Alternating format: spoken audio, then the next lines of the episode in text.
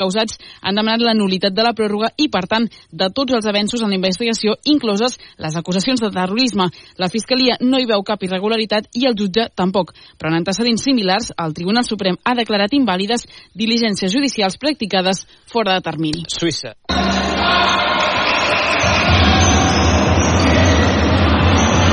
Aquest dissabte, a tres quarts de set de la tarda, una nova jornada de Lliga a segona B de futbol sala.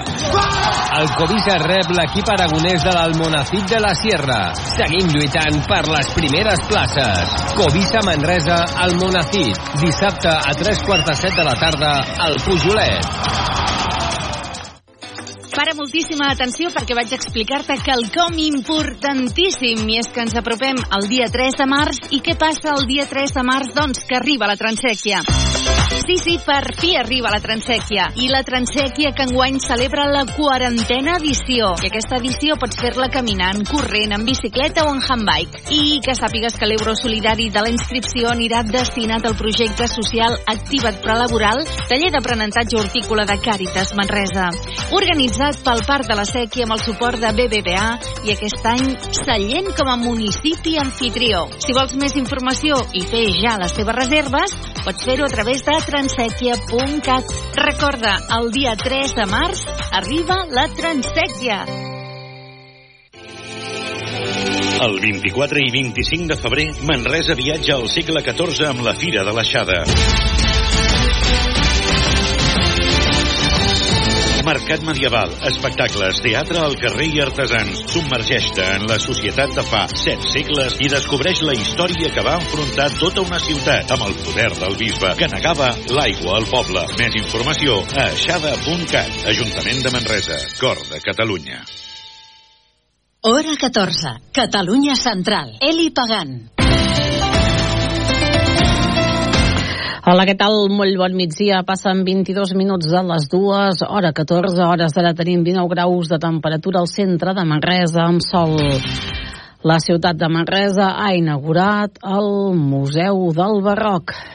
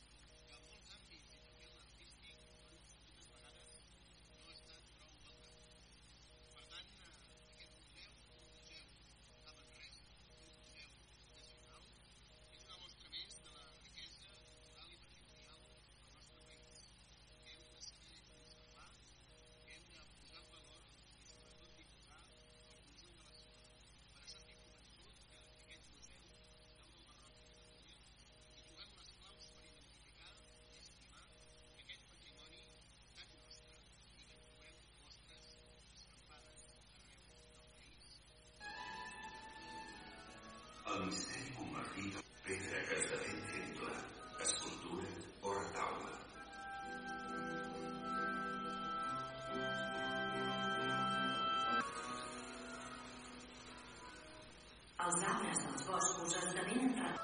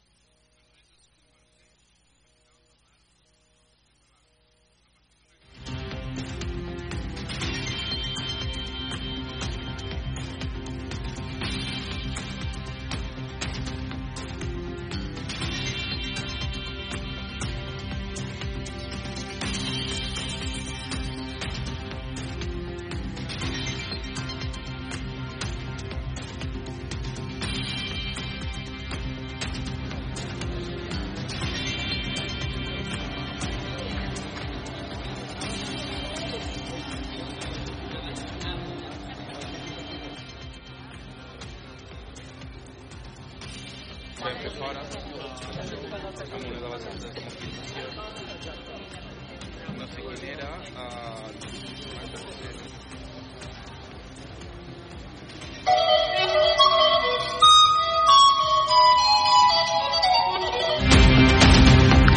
I avui també hem de parlar, això passava ahir la tarda, però és que clar, ahir al matí, dia de la llum, les activitats més institucionals.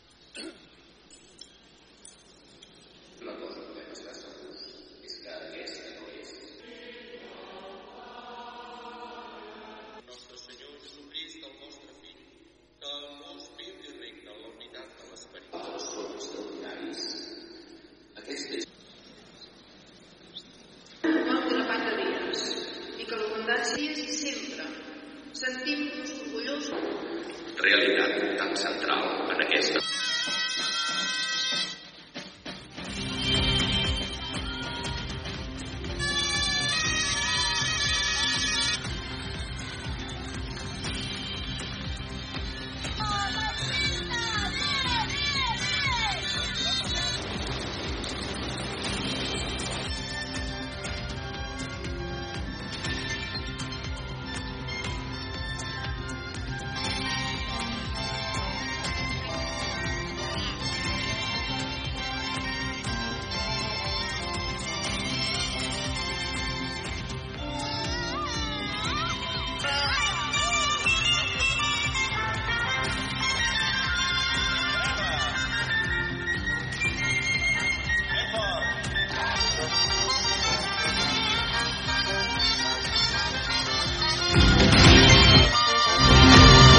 També s'han entregat en el marc de les festes de la llum els Premis Sèquia.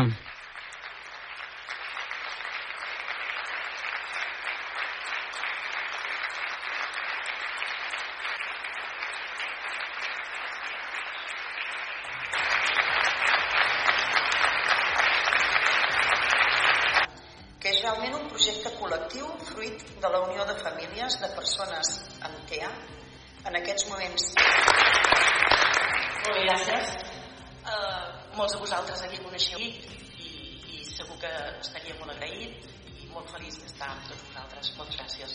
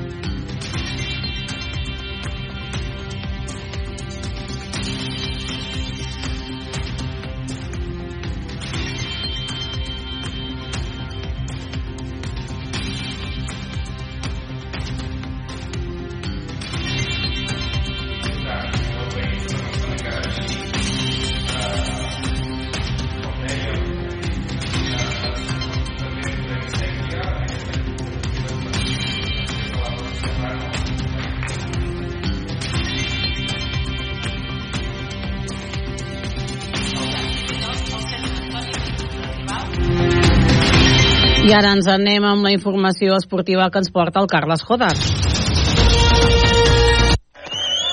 Dimarts a la nit es va disputar la segona part del partit de la Vergonya, el que enfrontava la Pirinaica i el Sant Joan de Montcada corresponent a la primera catalana de futbol i que en el seu dia va haver de quedar suspès per una baralla entre jugadors, després un jugador del Montcada agredís a un jugador de la Pirinaica quan marxaven cap a vestidors.